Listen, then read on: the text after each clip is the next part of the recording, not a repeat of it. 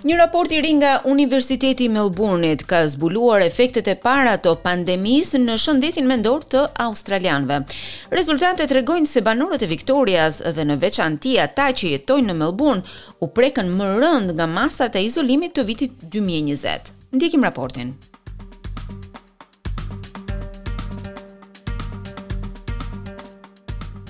Në studim morën pjesë më shumë se 17.000 pjesëmarrës dhe aty u matën efektet e shëndetit mendor dhe lidhjen që kanë ato me COVID-19. 45% e të anketuarve arritën në përfundimin se pandemia ia kishte përkeqësuar shëndetin mendor. Sondazhi quhet Sondazhi i Familjeve të Ardhurave dhe Dinamikave të Punës në Australi dhe të dhënat u publikuan nga ekipi i kërkimeve të aplikuara në rang ekonomik dhe social brenda Universitetit të Melburnit. Raporti tregon se shëndeti mendor u prek rëndë nga pandemia dhe ndikimi më i madh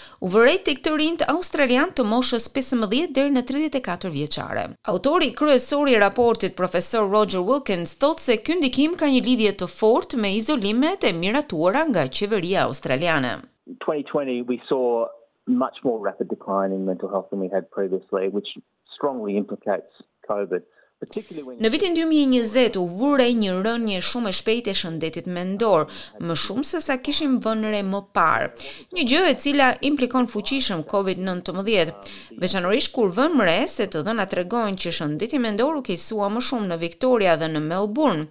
Ndoshta nuk ishte më shumë frika nga virusi se sa efektet negative të izolimeve të qeverisë.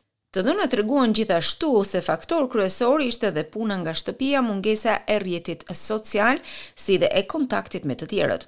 Doktor Wilkins thekson se politikat e tjera të qeverisë patën një ndikim pozitiv, sidomos në drejtim të vendeve të punës. E pamë se numri i pushimeve nga puna pati nivele shumë të larta. Megjithatë, këto ndikime do të kishin qenë edhe më të rënda në rast se qeveria nuk do të kishte ndërhyrë në atë periudhë, veçanërisht me krijimin e JobKeeper. Nëse nuk do të kishte qenë kjo ndërhyrje, do të kishin patur një situatë shumë më të rëndë, thotë ai. Anketa vjetore, e cila ndjek nëntë mijë e pesëqind familje, regjistroi gjithashtu një rënie në produktivitetin e punëtorëve, sidomos pas kalimit në punë nga shtëpia. Bashkautori i raportit, profesor Mark Wooden, e përshkruan këtë ndryshim drastik si një faktor shumë të rëndësishëm në jetën e australianëve. A lot of these people who were forced to work from home weren't necessarily ready for it. Um, they don't necessarily live in houses or in housing which are well. Shumë persona të cilët u detyruan të punonin nga shtëpia nuk ishin të përgatitur për këtë ndryshim. Ata mund të jetonin nëpër shtëpi apo në banesa të cilat nuk krijonin një atmosferë të përshtatshme për punë. Shumë prej tyre u duhej që të punonin nga tryeza e bukës.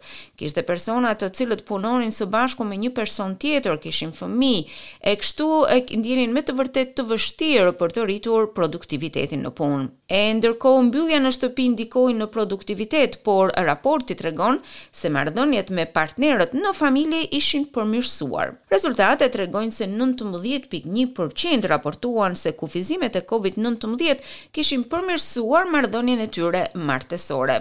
Vetëm gjashtë pikë gjashtë për qind raportuan një përkeqësim. Studiuesja e lartë në Universitetin e Melburnit, doktoresha Esperanza Vera Toscano, shpjegon. It is true that contrary to what the. Në fillim hipoteza ishte që nëse do të kaloje një periudhë të tejzgjatur në të njëjtën shtëpi me partnerin, ditën apo edhe natën, marrëdhënia do të përkeqësohej.